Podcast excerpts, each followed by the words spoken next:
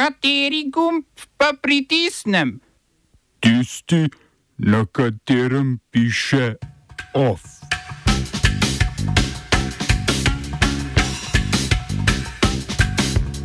Severna Koreja predstavila jedrsko podmornico.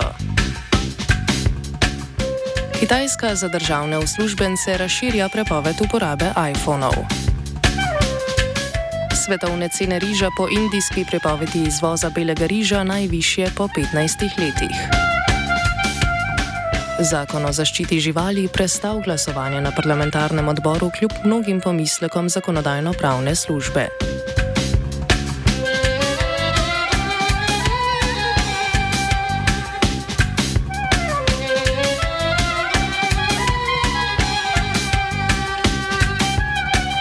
Vrhovni voditelj Severne Koreje Kim Jong-un je predstavil taktično jedrsko podmornico, kakor jo imenujejo severnokorejski mediji. Jong-un je dejal: Podmornica za jedrski napad, ki je pretekla desetletja bila simbol agresije proti našemu narodu, sedaj simbolizira našo grozečo moč, ki zadaja strah našim brezvestnim sovražnikom. Zahodni vojaški strokovnjaki so predstavljeno podmornico brž prepoznali kot modificirano sovjetsko podmornico razreda Romeo, ki pa ni jedrska podmornica, torej nima jedrskega pogona, ampak dizelskega. So pa podmornico v Severni Koreji modificirali tako, da lahko nosi balistične rakete, ki imajo potencialno lahko jedrske konice. Da lahko uspešno izstreli rakete z jedrskimi konicami, morajo Severni Korejci še dokazati. Po trditvah severnokorejskih medijev so podmornico vključili v floto, ki nadzira morje med Korejskim polotokom in Japonsko.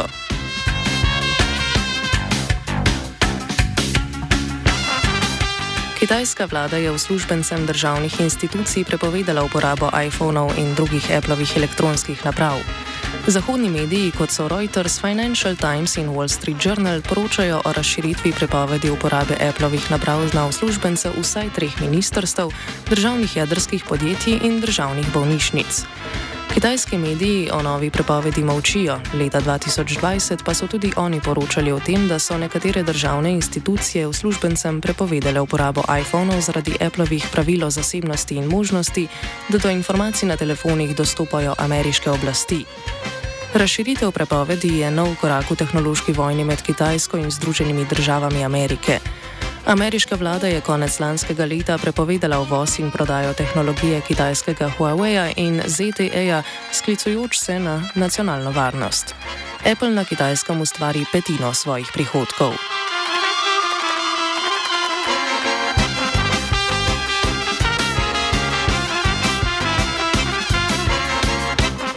Svetovne cene riža so od julija do avgusta zrasle za 10 odstotkov in dosegle najvišjo raven po 15 letih. V primerjavi z enakim obdobjem lani so cene riža za skoraj tretjino više. Svetovna organizacija za hrano je dvig cen pripisala višji cene podvrste riže Indika, ki je zrasla zaradi tega, ker je Indija konec julija uvedla prepoved izvoza belega riža iz države. Vlada Narendra Modija je odločitev takrat sprejela, da bi znižala cene riža na domačem trgu in zagotovila dovoljšno količino riža za domače prebivalstvo. V Indiji proizvedejo okrog 40 odstotkov vsega riža na svetu. Riž, ki ga iz Indije ne smejo uvažati, pa predstavlja okrog 15 odstotkov vsega riža na svetovnem trgu. Najbolj so od indijskega riža odvisni Filipini, Malezija in Vietnam ter zahodnoafriške države, kot so Nigerija, Slonokoščina obala in Senegal. Cene riža so se sicer začele uspenjati že pred indijsko prepovedjo izvoza zaradi poplav v Pakistanu, ki sodi med deset največjih proizvajalcev riža.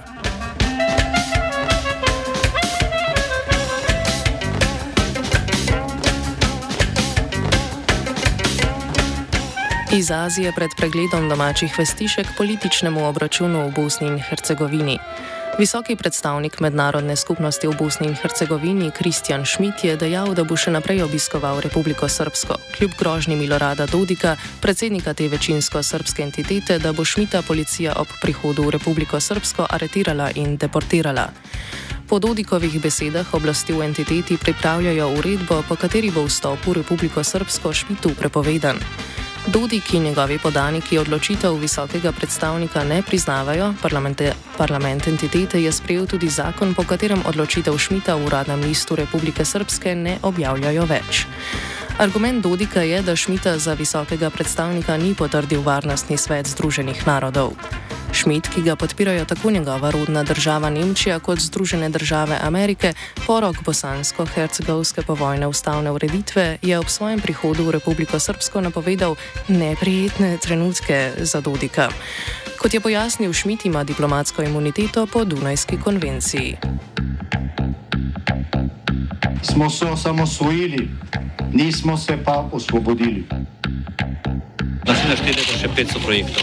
Izpiljene modele, kako so se strani nekdanje LDS rotirali. Ko to dvoje zmešamo v pravilno zmes, dobimo zgodbo o uspehu. Takemu političnemu razvoju se reče udar. Jaz to vem, da je nezakonito, ampak kaj nam pa ostane? Brutalni obračun s politično korupcijo. To je Slovenija,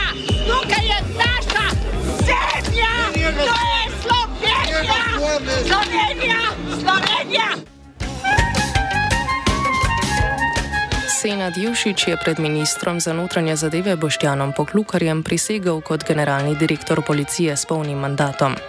Za petletno obdobje ga je vlada na čelo policije imenovala potem, ko je Jušiču natečajna komisija notranjega ministrstva priznala vodstvene izkušnje za delo na mestu pomočnika komandirja in delo pomočnika vodje sektorja kriminalistične policije na policijski postaji Koper. Kandidat za generalnega direktorja mora v skladu z razpisnimi pogoji imeti najmanj 15 let delovnih izkušenj v policiji in najmanj 8 let izkušenj na vodilnih delovnih mestih v javnem sektorju. Na notranjem ministrstvu zagovarjajo stališče, da vodstvo enote sestavlja vodja enote s svojimi namestniki in pomočniki ter drugimi uslužbenci policije, ki jih določi vodja. Poštjan Lindov, ki ga je vlada na predlog poklukarja konec februarja razrešila z mesta vršilca dolžnosti generalnega direktorja, je napovedal tožbo na upravnem sodišču, saj meni, da Jušič pogojev za poln mandat, poln mandat ne izpolnjuje. Vodstvene izkušnje namreč niso enake izkušnjam na vodilnih položajih. Lindova je za generalnega direktorja s polnim mandatom želela notranja ministrica Tatjana Bubnar, ki je decembra odstopila, ker premijer Robert Golob ni soglašal z njeno izbiro Lindova za generalnega direktorja. Minister Poklukar je na slovesnosti ob imenovanju Jušiča dejal, da je z imenovanjem zadovoljen. To imenovanje je pravzaprav uh, imenovanje kariernega policista na vrh slovenske policije. Jaz sem s tem imenovanjem zadovoljen. Uh, je pa res, da generalnega direktorja policije čaka še kar nekaj aktivnosti. Ne na zadnje prenavljamo oba dva policijska zakona, čaka nas resolucija o dolgoročnem upremljanju uh, slovenske policije. Tukaj je treba za naslednjih deset let pogledati, kakšen uh, bo razvoj in seveda tisto, kar je najbolj pomembno, karierni sistem je tisti del naloge, katerega uh, se v slovenski policiji že dolgo, dolgo časa čaka in verjamem, da bomo skupaj to uh, tudi uredili. Ministrstvo za obrambo je pozive k oddaji končnih ponudb za dobavo osemkolesnih oklepnikov poslalo Finski, Polski, Romuniji in Italiji. Informacijo je razkril obrambni minister Marjan Šarec v odgovoru na poslansko vprašanje poslanca Levice Mihe Kordiša. V fazi raziskave trga je ministrstvo prejelo pet ponudb. Finska Sloveniji ponuja vozila Patria, z nabavo katerih Slovenija že ima izkušnje iz časa prve vlade Janeza Janše. Poljska ponuja model Rosomak L, ki je licenciran model Patrije. Romunija ponuja vozila Piranja 5, ki so jih pred dobrim desetletjem razvijali Švicari. Italija je ponudila svoje freče. Na dopis ministrstva so se odzvali tudi v Združenih državah Amerike s ponudbo strajkerjev, vendar obrambno ministrstvo, ko daj končne ponudbe američanov, ni pozvalo.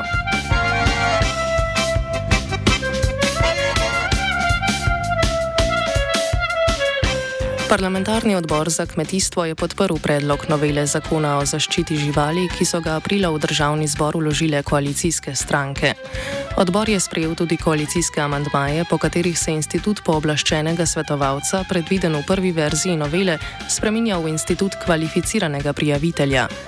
Kvalificirani prijavitelji bodo osebe, katerih naloge bodo predvsem v odkrivanju ter prijavljanju mučenja in zanemarjanja živali, ozaveščanju in sodelovanju v inšpekcijskih postopkih. Nova verzija novele zakona določa, da prijavitelji ne bodo smeli vstopiti na zasebno zemljišče, zaradi varstva osebnih podatkov pa bodo lahko fotografirali samo živali, ne ljudi. Prav tako po sprejetem amantmaju v noveli zakona ni več obveznega čipiranja mačk.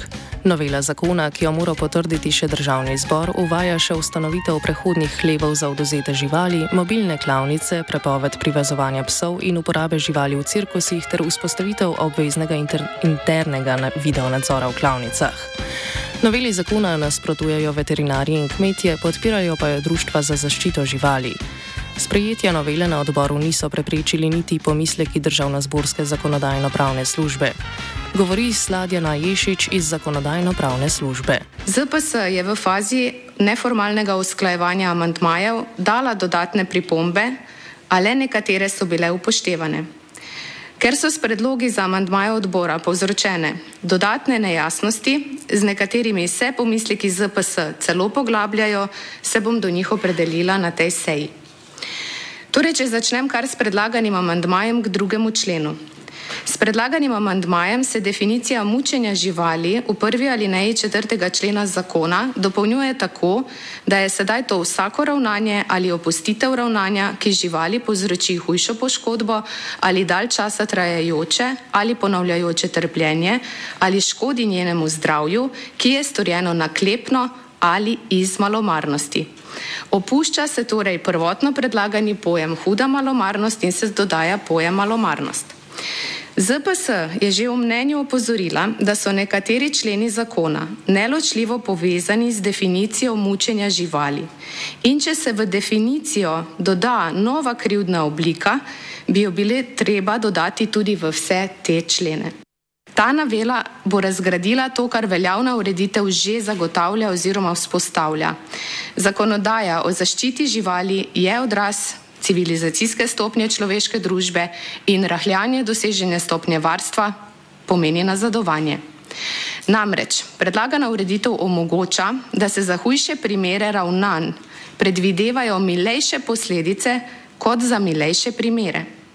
Večina primerov mučenja bo namreč veljala kot mučenje le, če bo storjena naklepno.